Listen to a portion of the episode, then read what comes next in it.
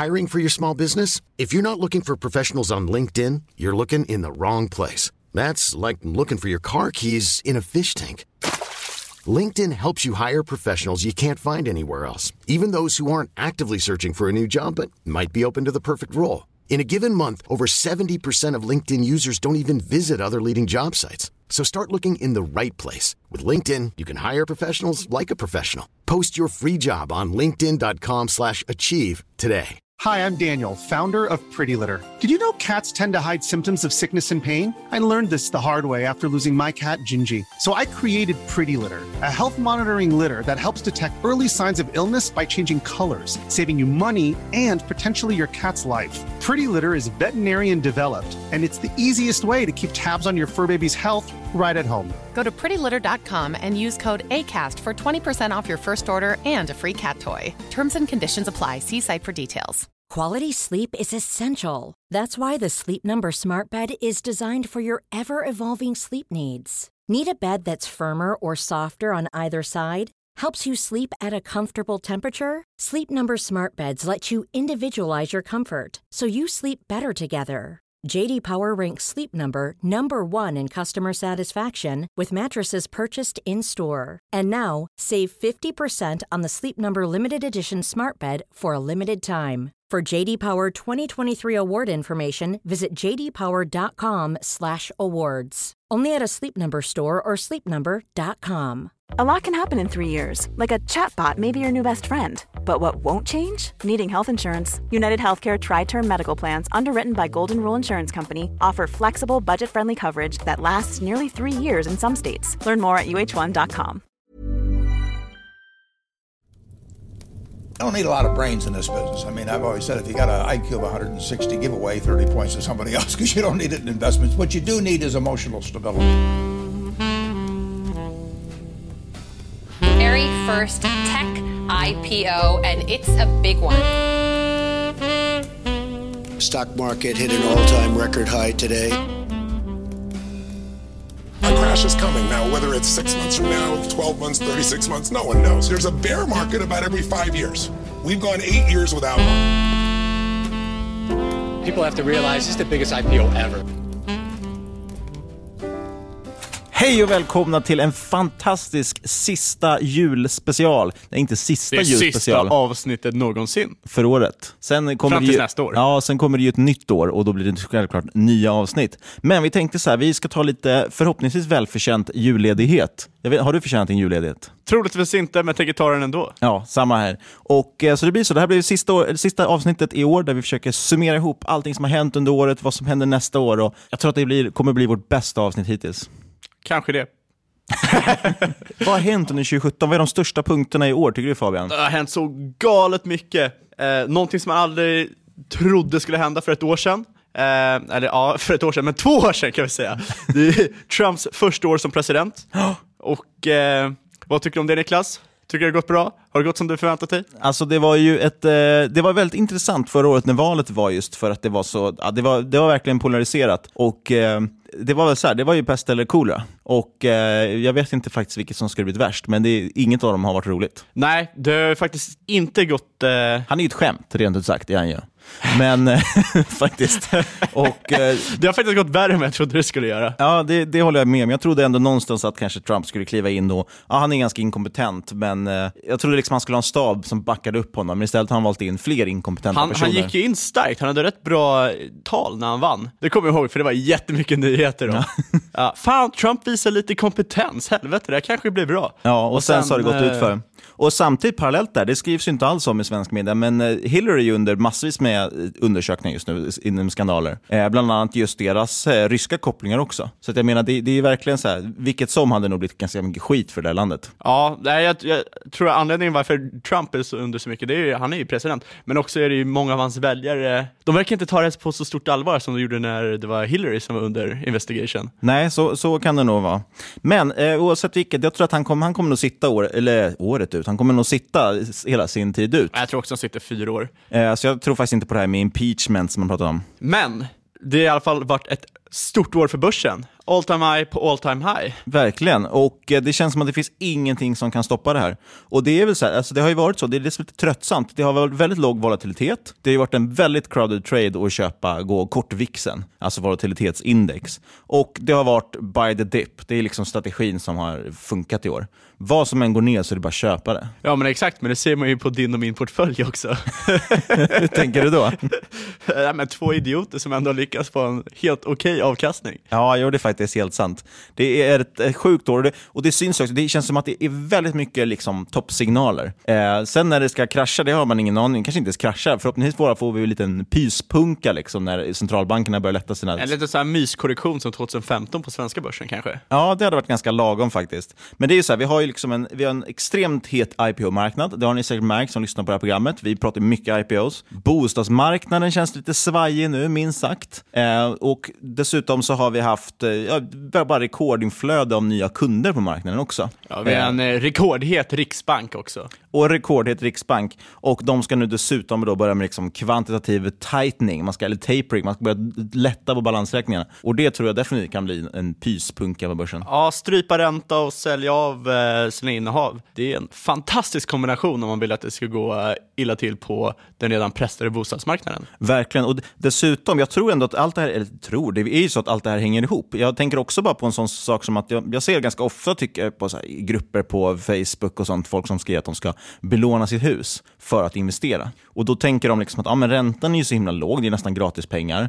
Och avkastningen på börsen, ah, då har de fått för sig att den ska avkasta 7-8% per år. Som att det vore någon slags naturlag. Och jag vågar påstå att risk-reward har ju typ aldrig varit så dålig i historien. Så att, att gå in på de här, belåna sig för att gå in på de här nivåerna, när vi har rekordlåga räntor och rekord liksom, övervärderad börs, Tycker du att det låter som ett bra tillfälle att belåna sig för att köpa aktier? Nej, men det är väl då man vet att börsen är het. Ännu värre, jag har ju sett folk göra det för att gå in på kryptomarknaden, som har gått eh Ja, det, det, idag var det värderat till över 600 miljarder dollar. Ja, och bitcoin har ju faktiskt varit uppe och snuddat vid 20 000-strecket.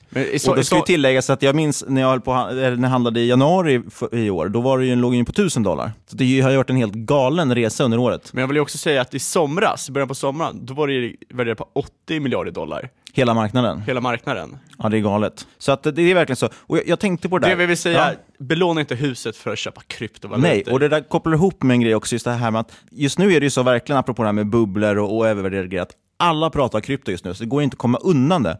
Det är liksom alla man känner pratar om det, vänner och familj som aldrig tidigare varit intresserade av att investera i något. Och det har man sett i princip på varenda bubbla. Jag har även sett, eh, det här är jäkla kul, jag såg det idag, eh, idag faktiskt, eh, nyhetskanaler, och, eller nyhetsprogram och tv-kanaler i USA som har tidigare varit väldigt liksom bassade till bitcoin. De har precis skiftat över och jag vet att det finns ett program som heter Mad Money eller Money Talks eller något liknande. Mad Money. Mad Money. Eh, där sa han i stort sett, efter att ha varit väldigt bäsad för några veckor sedan, sa han i stort sett, eh, allting som du råder att förlora, lägg allting på bitcoin. På en av de liksom största tv-programmen i USA, i alla fall för investeringar och pengar. Ja, och där kommer vi också till en, jag bara måste ta upp det också, just, du säger det du har råd att förlora. Nej, men det som var som en jag pratade med som, han la in en ganska stor del av sin, sin inkomst varje månad på så här, riktiga skitpapper liksom på um, aktietorget. Eh, och tyckte att nej, men jag har råd att förlora det. Men varför skulle du vilja förlora så många tusenlappar per månad? Ja, det, det... Man, man, skulle inte göra, om man, om man faktiskt på riktigt tänkte att jag har, kommer förlora det här, då hade man inte lagt pengarna där. Nej, exakt. Det är risk management. Och jag tror inte tillräckligt många tänker på det när de... Uh... Jag tror framförallt, jag stör mig på att man säger att jag lägger in det jag har råd att förlora, när jag faktiskt vet, ganska övertygad att du skulle inte vilja förlora de pengarna. Nej, jag tycker, jag tycker det är en eh, skitdålig taktik att gå tillväga. Sen ska du inte lägga in pengar som du faktiskt behöver för att överleva. Nej, då blir det extra jobbigt. Då blir det väldigt jobbigt. Sen har det hänt lite andra saker också, eh, som man kan berätta av. Flera europeiska länder har ju gått till val. Frankrike hade ju Le Pen en seriös chans att ta seger, men det gjorde hon inte, för det var Macron som vann där. Ja, det var, det var ju mycket snack på det. Det är ju så, det är det som är så roligt med börsen också. Det är hela tiden så här skifta fokus på vad den tycker är intressant. För några år sedan, eller några år sedan, så var det bara fokus på vad centralbankerna sa. Eh, nu känns det som att ingen riktigt bryr sig om det längre. Ja, så var det förr eller för förra året så var det Kina som var i centrum. Exakt. Jag kommer ihåg just att man, det var ju verkligen, folk satt ju och läste och vände och vred på alla ord av det som eh, Fed sa till exempel, för att här, hitta nyanser av det och, och då kunna få en hint om vad som skulle hända. Och nu under året känns det som att det stora fokuset har ju varit just geopolitisk oro, eller framförallt val egentligen i Men det är Europa. det som är kul, alltså börsen är ju den bästa, vad ska man säga, socioekonomiska experimentet någonsin. Du kan ju bara se hur människor reagerar i realtid. Det är ju sjukt häftigt. Verkligen. Och det senaste nu har ju varit det här, framförallt nu med, med ja, eventuellt krig mot Nordkorea. Då. Känns som att det har varit det som dominerat senaste tiden. Ja, verkligen. Men ska vi då hoppa vidare lite till eh, vad som eh, har hänt för oss 2017 och vad som troligtvis kommer hända 2018? Ja, om vi har rätt. Ja, och den här veckan gläds vi åt att vi är sponsrade av Segit. Segit de har sedan 2007 levererat hög organisk tillväxt och lönsamhet inom deras tre affärsområden IT-drift, IT-konsulter och IT-produkter. Bolaget har i år levererat 46 miljoner i omsättning och dessutom ett positivt resultat för de här första tre kvartalen. Segit noteras på Aktietorget 9 januari 2018 och teckningsperioden pågår fram till den 21 december. Det är alltså idag. In på din nätmäklare, in på ipo.se, kolla upp det här, läs prospektet och investera om du är intresserad. Den här nyemissionen den är garanterad till 100% och du hittar mer info hos nätmäklare och ipo.se. Tack så mycket till Segit. Ja, vi tänkte ju så summera lite vad, vad, vi, vad som har hänt under vårt år då, för oss. Kanske lite vad vi har haft för resultat, bästa, sämsta affärer, vad man har lärt sig framför allt. Här kan jag lova att du Niklas troligen har haft en mer spännande resa än vad jag har haft, för du har, du har haft en tendens att hoppa in i lite mer roliga grejer än vad jag har.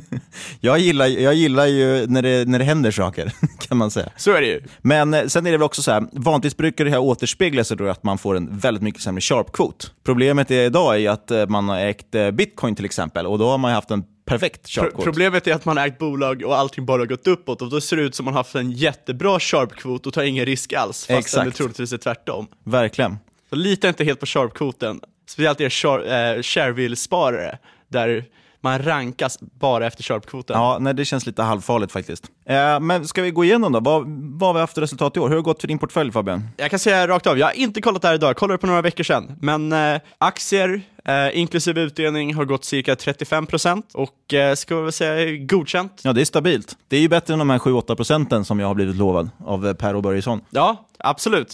Jag kan säga att jag är nöjd med tanke på den, eh, den insats jag har lagt in. Lägger man Ja. till krypto också, som eh, har gått lite, lite för bra nästan. Ja, tyvärr la man inte in så mycket. Som vanligt så är man ju feg så man la, och tänker lite på riskmanagement, så man har ju inte lagt in så mycket man borde ha lagt. Man borde ha lagt allt i krypto. Det hade Ja. gjort ett mycket, mycket bättre år. Då är det några, några fina millar man hade tjänat där. Ja, det hade varit en härl, ett härligt år. Nej men med krypto, eh, så räknar med de senaste veckornas eh, bastant uppgång, men skulle gissa på en stabil 70% uppgång Det här- på hela aktieportföljen. Det är inte dåligt alltså. Och framförallt, det är så här, som du sa, med tanke på tiden man lägger ner. Vi lägger ner väldigt mycket tid på analys och läsa om bolag, så, men om man jämför med till exempel om man sitter som daytrader och sitter med dagligen med det, så är det här faktiskt en, en extra inkomst man har, vilket är ett, ja, jag tycker det är ganska bra faktiskt. Men då är frågan så här, vad, vad har varit liksom bästa, sämsta affärer och så? Vad har, vad har du lärt under året? Ska vi eh, pumpa av mina grejer helt eller? Jag vill höra om din avkastning. Ja, okej. Ja, då kommer jag in här. Jag tänkte vi skulle lämna lite paus däremellan så inte du skulle skämmas så mycket. Ska vi hinna glömma liksom?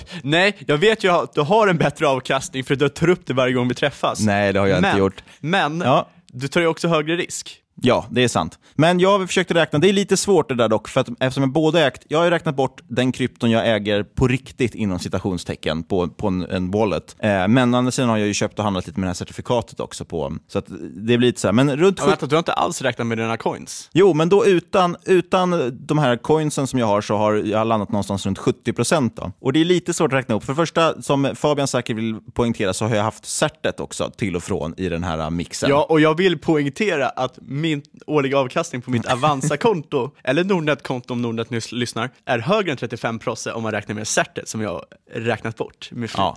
Hur som helst så har det ju varit lite rörigt i alla fall för att jag har ju ett antal konton. Jag har ju Avanza till exempel också som du Fabian. Jag har också ett konto på Giro för att kunna köpa lite spännande asiatiska bolag. Och så har jag dessutom hållit på och lånat ut en del pengar som jag fått avkastning på. Så det har varit lite, det är lite svårt att räkna ihop och det är därför jag inte orkat räkna bort det där certet ur det hela. Men med krypto så i alla fall så landar väl hela portföljen någonstans runt 90% plus i år. Så det känns bra. Det hade varit jäv- väldigt coolt att kliva in eh, dubbla pengarna på ett år faktiskt. Men där är jag inte riktigt än. Men då drar jag mina bästa affärer Ja, Fabian. Men vad är dina bästa affärer då? För jag tror, jag tror att vi har typ samma grejer.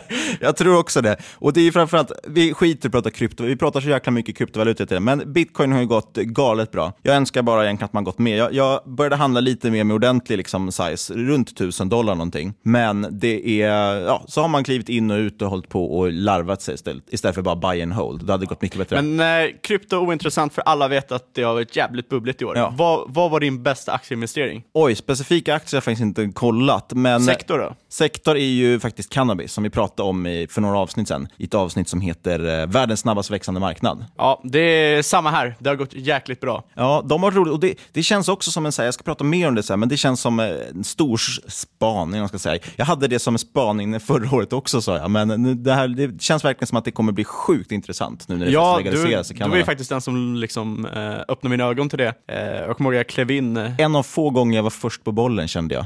Ja, var men- inte så nej, många du- faktiskt som ägde de här bolagen. Du var innan. faktiskt jäkligt, jäkligt snabb på den. Eh, Jag har klivit in och så har jag klivit ut och så klev jag in sen när Constellation Brands köpte Canopy. Exakt. Det var bra att man inte var rädd för den här lilla uppgången som skedde det, för det har ju tågat på Ja, det jäkligt mycket bra. sen dess. Ja, dessutom, och det är faktiskt ren tur. Jag har ju faktiskt dessutom lyckats pricka toppen lite grann i de där bolagen. För att jag kände ju någonstans, jag kommer faktiskt inte ihåg om det var i år, det var nog förra året, så kände jag att när det gått upp så extremt mycket, slutet på förra året var det, det gått upp, upp så extremt mycket så sålde jag av en hel del. För jag kände att ja, men det här känns lite orimligt, liksom. det är ganska långt fram den här legaliseringen. Och då efter det kraschade ju alltihopa. Och sen började jag köpa på mig en båt. Så jag har haft lite tur faktiskt. Där. Jag ska inte säga att det är någon slags skicklighet. Men generellt är det väl så här just att det har varit där by the dip. Det har varit ganska lätt egentligen att tjäna pengar så länge man inte äger H&M. Min strategi har varit så här, jag fokuserar som vanligt på tillväxt, eh, även om jag även har haft de här FANG-aktierna. FANG-aktierna är ju tillväxt också, men de är stora bolag och de är väldigt dyra. Ja, det är vad heter det, amerikanska index i stort sett. I stort sett, ja. De står väl för, jag har för mig att det var 60-70% nu av index nästan. Eller minns jag fel där? Ja, på Dow Jones är det väl det? Ja, så och kan det vara. S&P 500 är väl en, strax under 20 eller 20. Så de har ju varit, det har ju varit dessa kaskor. Jag har faktiskt inte kvar dem längre. Och, eh, men annars har det varit just det, småbolag med tillväxt. Jag försöker generellt att, jag gillar mindre bolag, det är väl för att de är ganska lätta att överblicka. Det, det, du får väldigt tydlig överblick av vad de sysslar med för någonting och det är ganska lätt att förstå core business. Eh, det är dessutom färre som följer dem, så du slåss egentligen med mindre spelare. Om du inte har alla analyshusen mot dig och, och alla andra liksom aktieägare så, så blir det lite lättare, tycker jag. Det är lättare att få en edge. Och sen är det ganska roligt också, för de växer ofta snabbare, mindre bolag. Eh, och sist men inte minst så är det ju det här med du slipper det här med passiva flöden. Just det som har pumpat upp FANG-aktierna så mycket är ju att du har passiva inflöden av pengar. Eller snarare inflöden av pengar från passiv förvaltning. Alla de här ETF-erna och indexfonder och så vidare som trackar det här. Och det är ju det är i och för sig jäkligt fint i sådana här uppåt-trender som vi har Det är just nu på jättekul, marknaden. det är därför man har ridit på dem länge. Men någonstans känns det som att det, det kommer ju vända och det kommer inte bli roligt när det vänder och folk börjar dra ut de här pengarna. Nej, så jag, jag har försökt leta mig lite utanför index. Det är också lättare att hitta saker som inte är allt för dyra utanför index. Så det är väl det. Och eh, ja, gå igenom dina bästa affärer Fabian, sen ska vi prata lite om vad vi har lärt oss i år. Min, mina bästa affärer, ja det är cannabis som vi sa, eh, Aurora, fint litet bolag. Sen eh, Alibaba, jäkligt bra affär. Novo Nordisk var också eh, storslaget imponerande med tanke på storleken i bolaget. Ja, där är jag lite imponerad faktiskt, för jag kommer ihåg att vi pratade om det förra året. Det var ju då det gick, gick riktigt illa där i samband med Trump-valet just, eller USA-valet kanske man ska kalla det. Eh, när det gick riktigt illa för Novo Nordisk. Och eh, då tyckte jag lite synd om dig faktiskt, men det har ju visat sig bli en riktigt, riktigt fin affär. Så jag är, Ja. lite, jag är lite s- s- arg där att jag inte lyssnade på dig. Ja men exakt, men det var en, eh, det var egentligen en sjuk överreaktion och kollar man på tillgångarna hos Novo Nordisk så eh, de skulle vara värderade mer än vad de var om de hade haft noll tillväxt som var långt under det de förutspådde, eller långt under marknaden. Så jag tyckte att det var en eh, självklar buy, men inte alla var helt övertygade. I och för sig var det många svenska småsparare som hoppade in i bolaget också, eh, jag är ändå glad över den. Vad har varit sämsta affärerna då? Jag har inte riktigt haft någon dålig affär. Däremot är jag inte lika våghalsig som du är. Hoppade in Nobina till tidigare år, det här eh, fina lilla bussbolaget. Sen eh, hade de lite, hade lite avtalsproblem, så jag tog en eh, 7% hit. Då bestämde jag mig för att eh, hoppa ur där så länge. Och, eh, sen en annan dålig grej, tillbaka till krypto, och sålde halva mitt cert efter sommaren för att dra ner på riskportföljen. i portföljen. Eh, det skulle man gärna haft kvar nu. Det är ju ingen dålig affär, men det är en, eh, det är en bra affär du inte fick vara med om. Ja, hindsight is 2020 som man brukar säga. Men det där håller jag med, för jag, jag glömde ju dra mina sämsta. Och det är liksom, på sätt och vis var det ju bra för mig att jag inte köpte Novo Nordisk till exempel, för det ligger helt utanför min komfortzon. Det är ett bolag jag inte riktigt liksom är särskilt insatt i. Och det är det jag har känt. Jag har inte heller faktiskt haft jättestora förluster, men det har ju varit framförallt, framförallt för att just man har kapat förlusterna snabbt. Jag har haft ägt bolag som har gått mycket, mycket sämre, eh, men som tur var har man klivit ur tid. Och det är just där känner jag överlag under året att man, det är jäkligt lätt, när det, när det går bra, då är det väldigt lätt att bli väl, liksom lite kaxig och börja köpa saker som man egentligen inte förstår sig på. Så är det man blir lite blind eh, för sina uppgångar. Ja, för man tycker bara fan jag är hur bra på det, så här, allt jag tar i blir guld. Liksom. Och då börjar man köpa saker som man inte alls borde äga och som man inte kan. Och då förlorar man pengar. Har du något exempel på det? Jag har ett exempel. Och det är bland, jag har delvis försökt mig på ett antal gånger att köpa utbombade bolag. Jag har köpt Seadrill till exempel, som stod inför konkurs eh, och tänkte att eh, ja, men det har gått ner 90% i år. Så att om de bara får en liten win, om de får till sin eh, så här, restructuring deal som de höll på med, så kan ni sticka 30 Eh, och det gick väl ganska kast. Jag köpte eh, ett bolag som heter Consent Holding. Det är nästan ingen som känner till det bolaget. Det finns ingen volym överhuvudtaget. Och där var egentligen samma grej, för att där var det också att får man till en viss, det var en deal man höll på med, får man till den så kan det också sticka iväg. Och det gjorde det. Det stack iväg till 50 eller någonting. Men det var ju två dagar efter jag hade sålt. Eh, så det var ingen jätte, det var inte så roligt. Jag missade den, jag, även fast jag hade rätt. Eh, ibland har jag varit helt ut, fel ute med timing. Till exempel, jag långade vixen som jag nämnde tidigare. Ja, där var det, det var faktiskt den roligaste, det roligaste innehav under sommaren. Ja. och det är så här, jag har inte tillräckligt bra koll på VIX-optionerna, eller ja, de optionsmarknaden som styr hur VIX ställs. Och jag vet inte, det är bara helt idiotiskt att köpa något sånt när man inte satt sig in i det tillräckligt väl. Men jag tyckte att det kändes ja, som du, en så här... du, du la väl din analys på att ah, men fan, rekordmånga är korta? Det Exakt, ja, ja. Det var verkligen så, bara. Det, kommer, det kommer bli squeezat. Och den stack ju iväg ibland, 20% på en dag. Men det, det gav ju ändå ingenting för man fortsatte hålla kvar istället för en vinst. Och så stack det ju ner igen. Och sen bara, ja. Så de har ju haft rätt om som korta VIX än så länge, men det kommer nog smälla rejält. Men som sagt, det som jag tycker man kan ta med sig i alla fall, eller som jag har lärt mig, det är ju det här, och som har varit tur, det är att delvis så har jag ju sett till att kapa förluster ganska fort. Det har aldrig varit något som har liksom gått back med en 10 procent. Ja, för en så här generell grej som många, framförallt många som är nya på att investera, det är att de har lätt att kapa vinnare och hålla kvar förlorare i hopp om Exakt. att de ska tjäna igen de här pengarna. Och det brukar oftast vara en rätt dålig deal. Ja, man försöker, som du säger, man försöker säkra in en vinst genom att sälja. Och så säljer man inte förlusterna för man säger att det inte är en förlust förrän jag är realiserat. Och det är ju helt idiotiskt. Det ska snarare, eller det funkar kanske för vissa, jag vet inte, men för mig är det som att man ska kapa förlusterna och behålla vinnarna. Samtidigt vill man inte heller bli girig och det är det som är lite svårt också. Det är väl rätt kryptiskt, men man ska inte vara girig när man köper och man ska inte vara girig när man säljer. Nej. För det ser man till exempel nu när H&M har backat jäkligt mycket, har det ju varit väldigt många som har gått in i H&M igen. Eller liksom många nya sparare i H&M. Och eh, det är för att det har backat i pris, många säger ah, fan H&M är ett fint bolag, blir billigare. Men man har liksom bild av det gamla H&M. Och det är inte säkert att H&M kommer gå upp till 300 kronor igen. Nej, det tror jag nog kanske aldrig att de kommer göra. Men det jag bara tänkte sista jag möjligt tillägga också var just det här med storlek på positioner också. Och där är jag i alla fall lite glad att jag har varit vettig att när jag köper något som jag vet ligger utanför min komfortzon så går jag in med mycket, mycket mindre size. Så det blir ju oftast inte så mycket pengar man förlorar. Och då blir det istället som en liten rolig grej. Liksom. Och eh, går det bra någon gång, ja då sticker det så pass mycket att det kan bli värt det.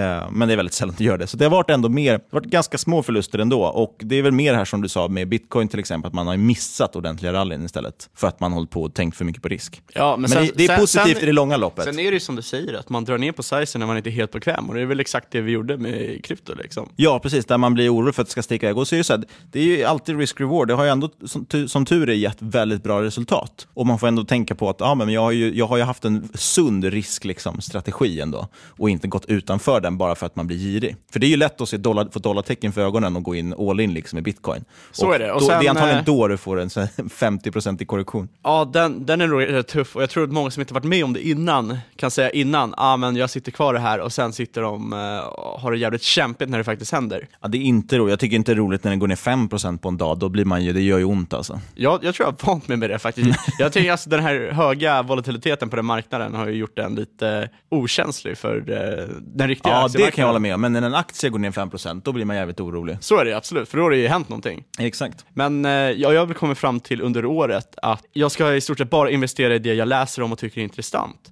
Och eh, under året har faktiskt den största anledningen för sälj varit att jag liksom insett att eh, jag inte varit särskilt intresserad av verksamheten. Hi, I'm Daniel, founder of Pretty Litter. Cats and cat owners deserve better than any old fashioned litter. That's why I teamed up with scientists and veterinarians to create Pretty Litter. Its innovative crystal formula has superior odor control and weighs up to 80% less than clay litter. Pretty Litter even monitors health by changing colors to help detect early signs of potential illness. It's the world's smartest kitty litter. Go to prettylitter.com and use code ACAST for 20% off your first order and a free cat toy. Terms and conditions apply. See site for details. Hey, Dave. Yeah, Randy. Since we founded Bombus, we've always said our socks, underwear, and t shirts are super soft. Any new ideas? Maybe sublimely soft. Or disgustingly cozy. Wait, what? I got it. Bombus. Absurdly comfortable essentials for yourself and for those facing homelessness. Because one purchased equals one donated. Wow, did we just write an ad? Yes. Bombas. Big comfort for everyone. Go to bombas.com slash ACAST and use code ACAST for 20% off your first purchase. Hi, I'm Daniel, founder of Pretty Litter. Did you know cats tend to hide symptoms of sickness and pain? I learned this the hard way after losing my cat, Gingy. So I created Pretty Litter, a health monitoring litter that helps detect early signs of illness by changing colors, saving you money and potentially your cat's life. Pretty Litter is veterinarian developed, and it's the easiest way to keep tabs on your fur baby's health right at home. Go to prettylitter.com and use code ACAST for 20% off your first order and a free cat toy. Terms and conditions apply. See site for details. Many of us have those stubborn pounds that seem impossible to lose, no matter how good we eat or how hard we work out. My solution is PlushCare. PlushCare is a leading telehealth provider with doctors who are there for you day and night to partner with you in your weight loss journey. They can prescribe FDA-approved weight loss medications like Wagovi and Zepbound for those who qualify. Plus, they accept most insurance plans. To get started, visit plushcare.com slash weight loss. That's plushcare.com slash weight loss. Quality sleep is essential. That's why the Sleep Number Smart Bed is designed for your ever-evolving sleep needs. Need a bed that's firmer or softer on either side? Helps you sleep at a comfortable temperature? Sleep Number Smart Beds let you individualize your comfort so you sleep better together. JD Power ranks Sleep Number number 1 in customer satisfaction with mattresses purchased in-store. And now, save 50% on the Sleep Number limited edition Smart Bed for a limited time. For JD Power 2023 award information, visit jdpower.com/awards. Only at a Sleep Number store or sleepnumber.com.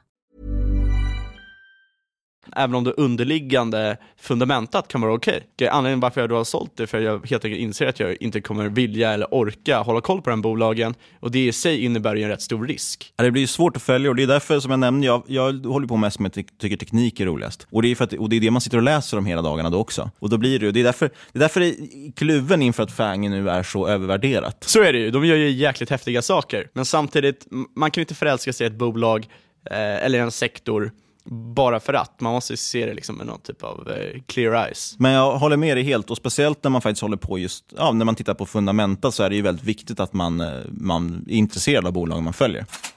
Men Niklas, ska vi hoppa vidare? Ja, nu ska vi gå in på, ska vi gå ut på riktigt hal is, eller djupt vatten. Det kommer vi säkert bli skjutna för om ett år. Ja, vi får se. Eller så har folk glömt det, eller så har vi helt rätt. Men, prognoser för 2018, vad tror vi kommer hända? Exakt. Vill du börja eller? Jag kan börja. Jag har ju kollat på lite svenska bolag, Niklas har kollat på lite andra saker också, till exempel olika marknader. Det första som jag vill gå in på är ett svenskt storbolag som jag tycker är jäkligt intressant. Och det, är det här det bolaget på large cap som du tror kommer gå bäst nästa år alltså? Eh, möjligtvis inte bäst, men, eh, och möjligtvis inte under 2018, men eh, forward i eh, de nästkommande decennierna tror jag, att det, jag tror att det kan komma att gå jävligt bra. Och det är det här bolaget AB. ABB. Exakt, ABB. Eh, det var ett skämt för ni som inte förstod det. Och eh, varför ABB så intressant? Jo, har ni lyssnat på... Vilket bra skämt Faran. jag är rätt, trå jag är rätt tråkig person. Jag tror lyssnarna skrattar fortfarande. Men om ni har lyssnat på vår podd om till exempel elbilsrevolutionen, där vi även tar upp eh, om robotrevolutionen som kommer hända, så inser ni att det här kan bli en jäkligt stor grej och det kan hända jäkligt snabbt. Varför är då ABB så intressant? För det är rätt. För de flesta kan det nog vara ett jäkligt tråkigt bolag. Eh, jag tyckte förut att det var ett jäkligt tråkigt bolag, men det är faktiskt det svenska bolag som är bäst positionerat för att rida på robot eh, robotik, elbil och IoT-vågen. För robotar är ABB det näst största bolaget i världen, industrirobotar, och eh, de de har en marknadsandel om 18%. Det är rätt galet faktiskt. Det är jäkligt mycket och jag blev rätt eh, paff när jag hörde det. och de är också marknadsledare i industrisektorn just nu och det gör att de är jäkligt bra pos- positionerade för framtiden. Sen tillverkar de även många komponenter till olika typer av power grids. Elnät alltså? Exakt, och eh, det behövs ju för att eh, till elbilar och när solceller blir jäkligt stort. Ja, det är ju det här Christer Gardell och, och Cevian har försökt stycka upp egentligen. Det är ju att man vill göra ett ABB som ska ha power grids och ett annat ABB för robotdelen. Liksom, Exakt.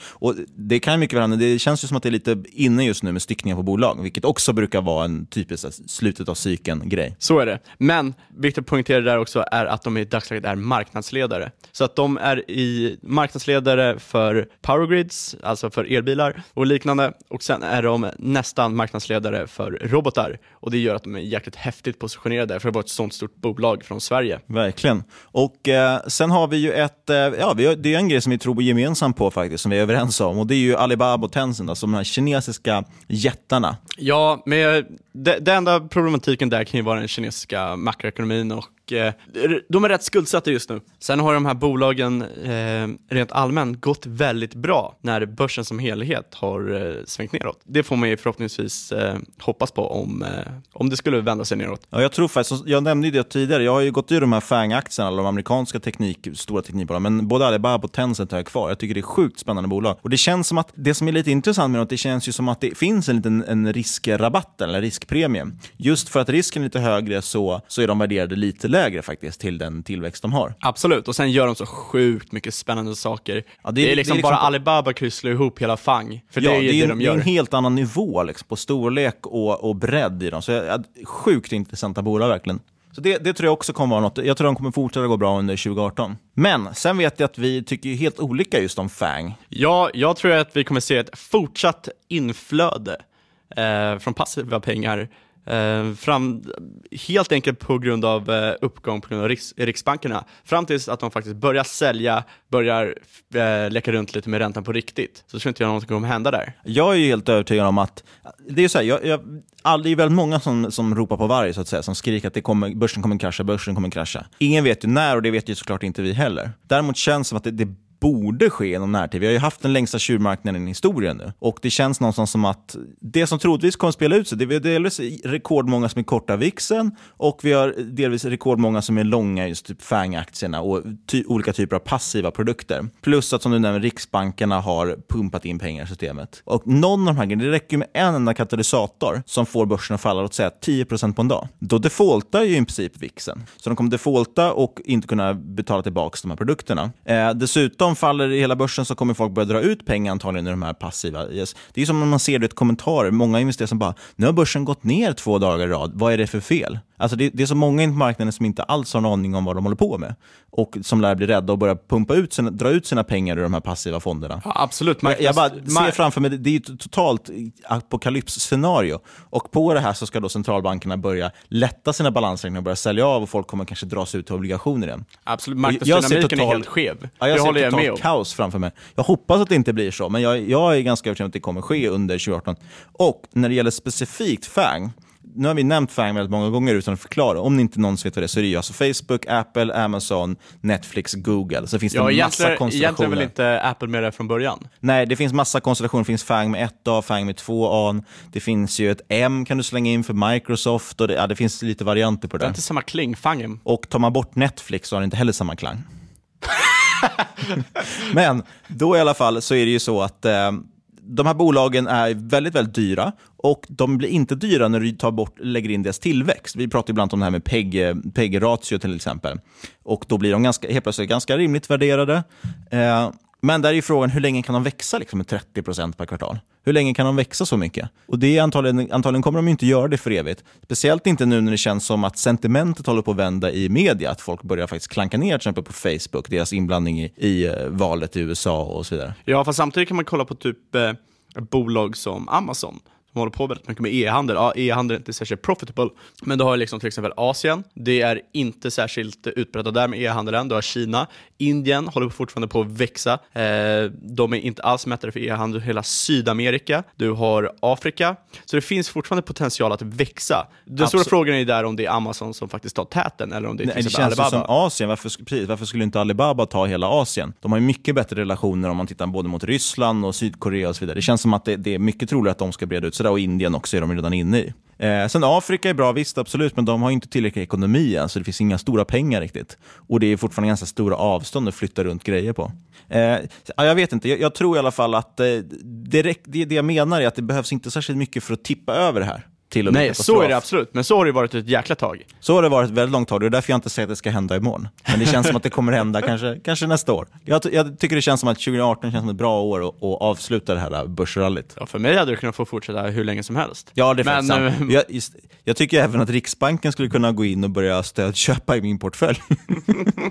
det hade jag inte heller haft något emot, men det kommer ju inte hända. Sen hade du ett svenskt småbolag också. Ja, jag tycker... Och det här är kul, för det är ett bolag som jag har visat dig. Ja, eh, fan det var ett annat bolag som du visade mig också. Men eh, ja, Torn är ju jäkligt intressant just eh, eftersom många företag nu som inte använder sig av influencers an, äh, anses ålderdomliga. De har även i stort sett monopol på svenska marknaden. Ja, och det här kan man ju lyssna på. Avsnitt 11 gör vi ju, har vi ju en analys eller en presentation av Torn också, så det tycker jag man ska lyssna på. Det är rätt ett eh, underskattat avsnitt om man tänker på lyssnarantal. Ja, så kan det vara. Så har du inte lyssnat på det, så hoppa in på det. ja, nej men det är faktiskt, jag håller med. Jag tycker också det, det finns många spännande bolag att hålla kvar, oavsett om man är bäs eller inte. Och jag, jag är helt övertygad också att, i och för sig, ja, det beror på. Vissa av de här småbolagen, om börsen, om vi skulle få en riktig liksom, händelse, någonting som faktiskt drog ner börsen 30, 40, 50 procent, så är det, jag är lite kluven. Å ena sidan tänker jag att de här små, vissa småbolag inte kommer drabbas lika hårt, eh, eftersom de ligger utanför index och så vidare. Eh, å andra sidan tänker jag att de kanske kommer drabbas mycket hårdare för att det är svårare ofta att få ut pengarna ur dem om de har låg likviditet. Typ Torn, det nämnde vi i det avsnittet, att de har ju väldigt låg omsättning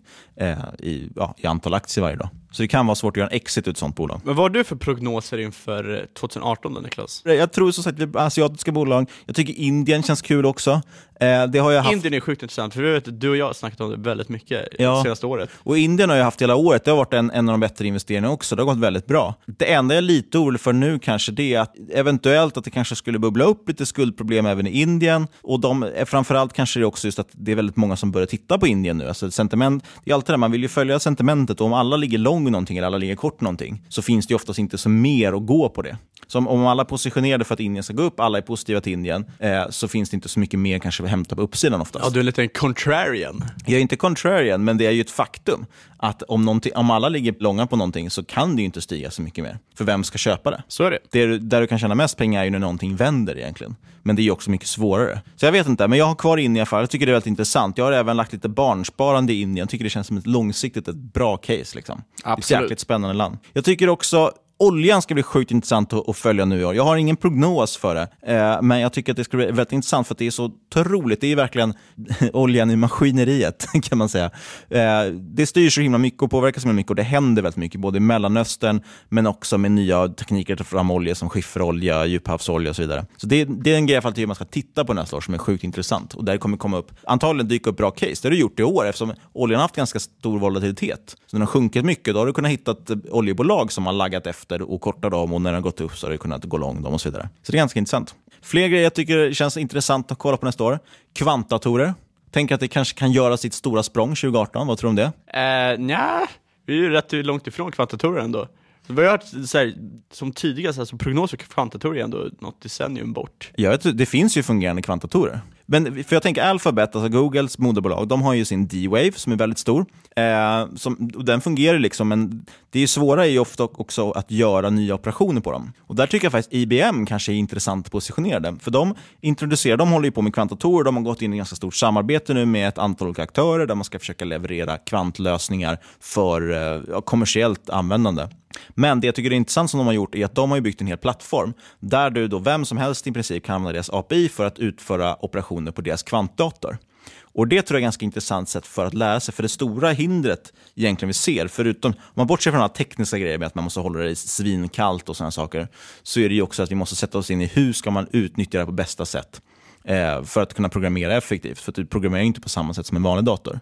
Och Jag tycker det är ganska intressant att man låter egentligen allmänheten ha tillgång till det här.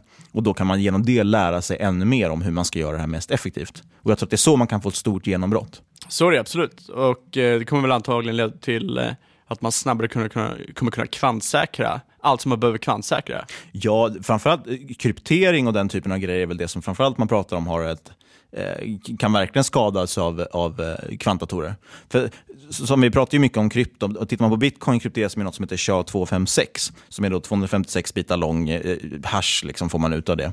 Eh, och den är ganska enkel egentligen. Det, det handlar ju bara om datorkraft att knäcka en kryptering. Ja, det går ju, går ju att lösa det med penna och papper. Ja, men det man säger att då, en modern dator, då, jag kommer inte ihåg vad det är, om den ska ta 10 år tror jag, ungefär för att knäcka en, en 256-bitars nyckel, vill jag minnas. Eh, och så det, det, blir liksom ohållbart att det ska ta 10 år att knäck, sno någons bitcoin eller ändra någonting. Men har en kvantdator så kanske det går på millisekunder. Och då är plötsligt faller ett sånt system ut. Och Det för oss vidare på kryptomarknaden. Det skulle bli väldigt intressant också att se hur den utvecklas nästa år.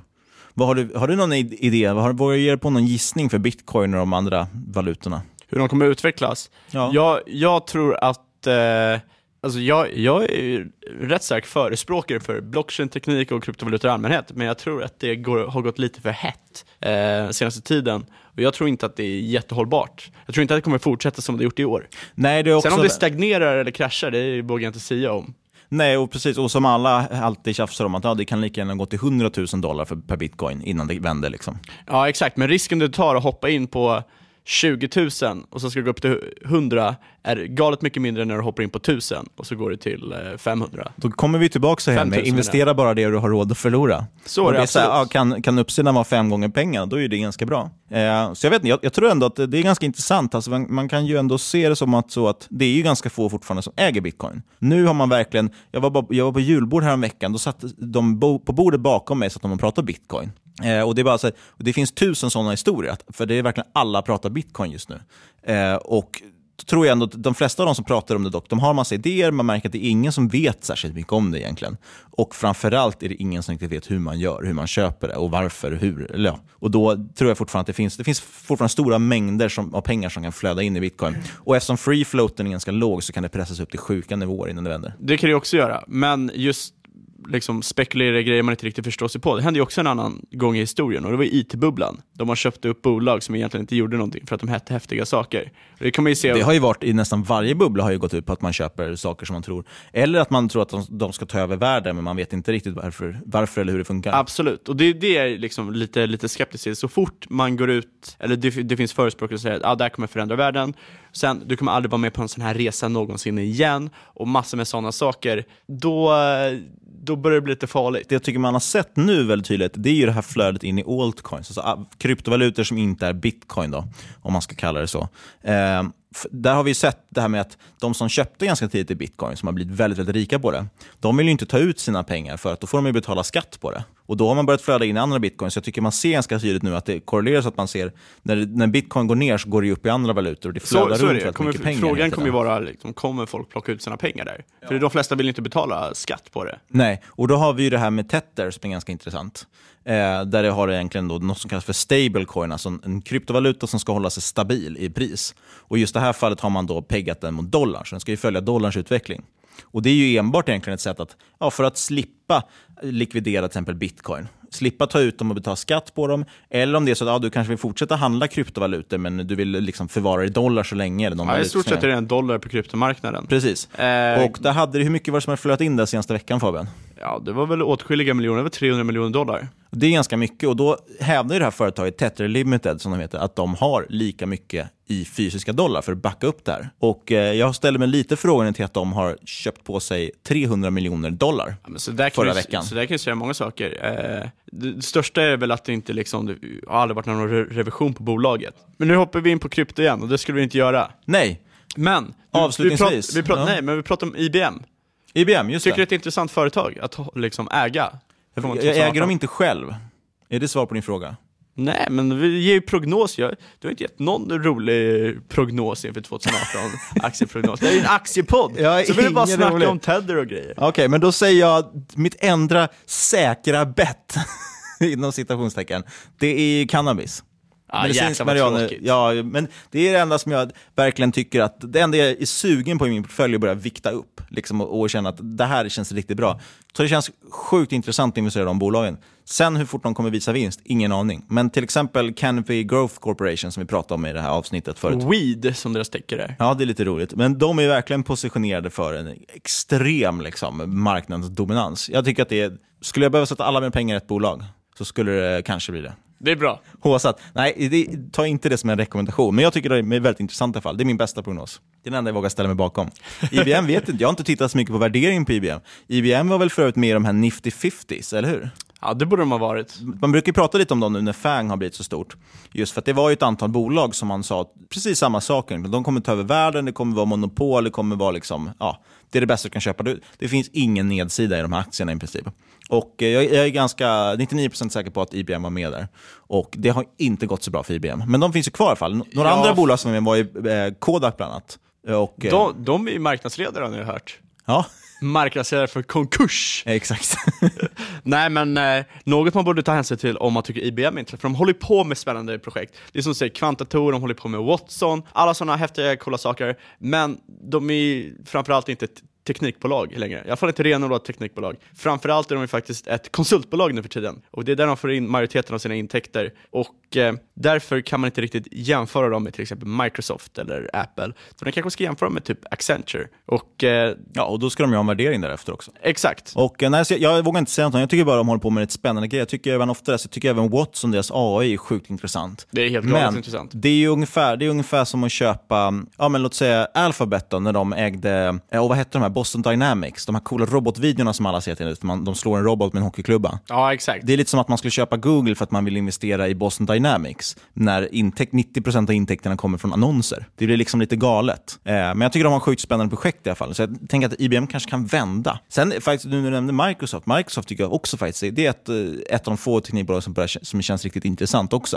Eh, de är ja, väl också deras eh, rätt dyra. cloudtjänst eh, brer ut sig jäkligt snabbt. Ja, Azure och överlag, de migrerar ju över hela, liksom, allting i Office till Office 365 och gör molnlösningar av det. Och eh, Det är sjukt intressant, hela deras, hur alla, liksom, det, det är ganska osexigt, men det är också väldigt intressant att se hur många företag som går in i så här SharePoint och, och liksom flyttar över allting till molnet. Och de har Azure som du nämnde med alla sina molntjänster och maskininlärning och så vidare. Det är ett helt universum de har på att bygga upp och det är också ganska det är lönsamt, det är så här svårt att ta sig ur när du väl har börjat prenumerera på det. Ja, men exakt. Du, du har ju redan bolagen på kroken. Det blir nog mycket lättare att sälja in den här liksom, partikulära eh, måltjänsten istället för att du kanske ska välja Amazon och så helt plötsligt har du två tjänster. Ja, precis. Istället för att bara ha någonting det- som kan integreras väldigt lätt med det systemet du redan har. För alla använder ju Word och Excel. Exakt, jag tänkte precis. Det finns ju ingen bolag i princip som inte använder Word eller Excel på något sätt. Och det är då ganska intressant, liksom att, eller det är ganska lätt att få de kunderna att börja betala för en molntjänst och bara bygga på det här sakta men säkert. Liksom. Eh, så det tycker jag kan vara ett intressant bolag faktiskt. Men överlag, om för att summera upp hela sträckan, det har varit ett långt avsnitt, men det måste man ju ha nu, för att vi kommer ju inte göra några fler avsnitt fram till ja, början på januari blir det ju. Ja, det får lite julledighet från oss. Ja, så man kan ju, om man har riktiga avsnitt så kan man ju dela upp det avsnittet i små portioner. Det kan nog krävas för att ta sig igenom det. Eh, så vi hoppas det inte varit för ofokuserat och pladdrigt, men man måste ju ha lite så här glöggmys och sådana grejer i de här tiderna och bara få prata lite. Eh, generellt tänker jag så här, 2018 det har blivit ett spännande år. Vi kommer ju fortsätta podda som vanligt eh, 2018. Dessutom har vi massa annat spännande. Vi kommer ju hålla ett seminarium bland annat. Absolut, och mer info om det ska får vi, väl ta när det kommer. Så är det. Eh, så det händer grejer. Vi håller på med vår YouTube-kanal också. Den tar också lite julledigt, eh, men det drar också igång igen i januari och där finns det massa spännande grejer. Cryptonomics heter den. Och så får vi väl tacka för att alla har lyssnat under året. Det har varit sjukt kul att få så bra respons Ja. och feedback från alla lyssnare. Tack till eh, er grymma lyssnare. Yes. Utan er hade vi inte varit någonting, som. Nej, ja, då hade vi bara varit två idioter som pratade i ett rum. eh, och som vanligt, ni når oss på podcast at ipo.se, eh, at marketmakerspod på Twitter. Och så får vi väl önska en god jul och ett gott nytt år. Ja. Vi ses på God andra jul. sidan eh, året.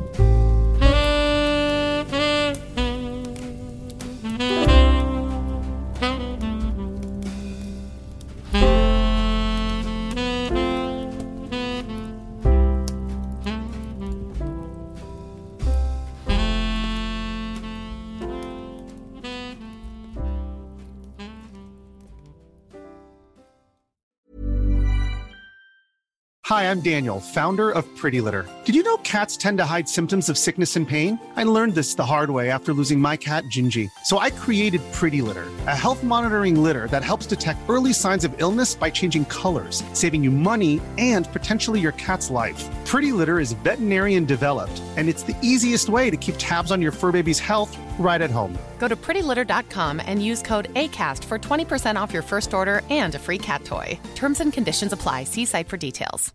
When you make decisions for your company, you look for the no brainers. And if you have a lot of mailing to do, stamps.com is the ultimate no brainer. It streamlines your processes to make your business more efficient, which makes you less busy. Mail checks, invoices, legal documents, and everything you need to keep your business running with stamps.com. Seamlessly connect with every major marketplace and shopping cart.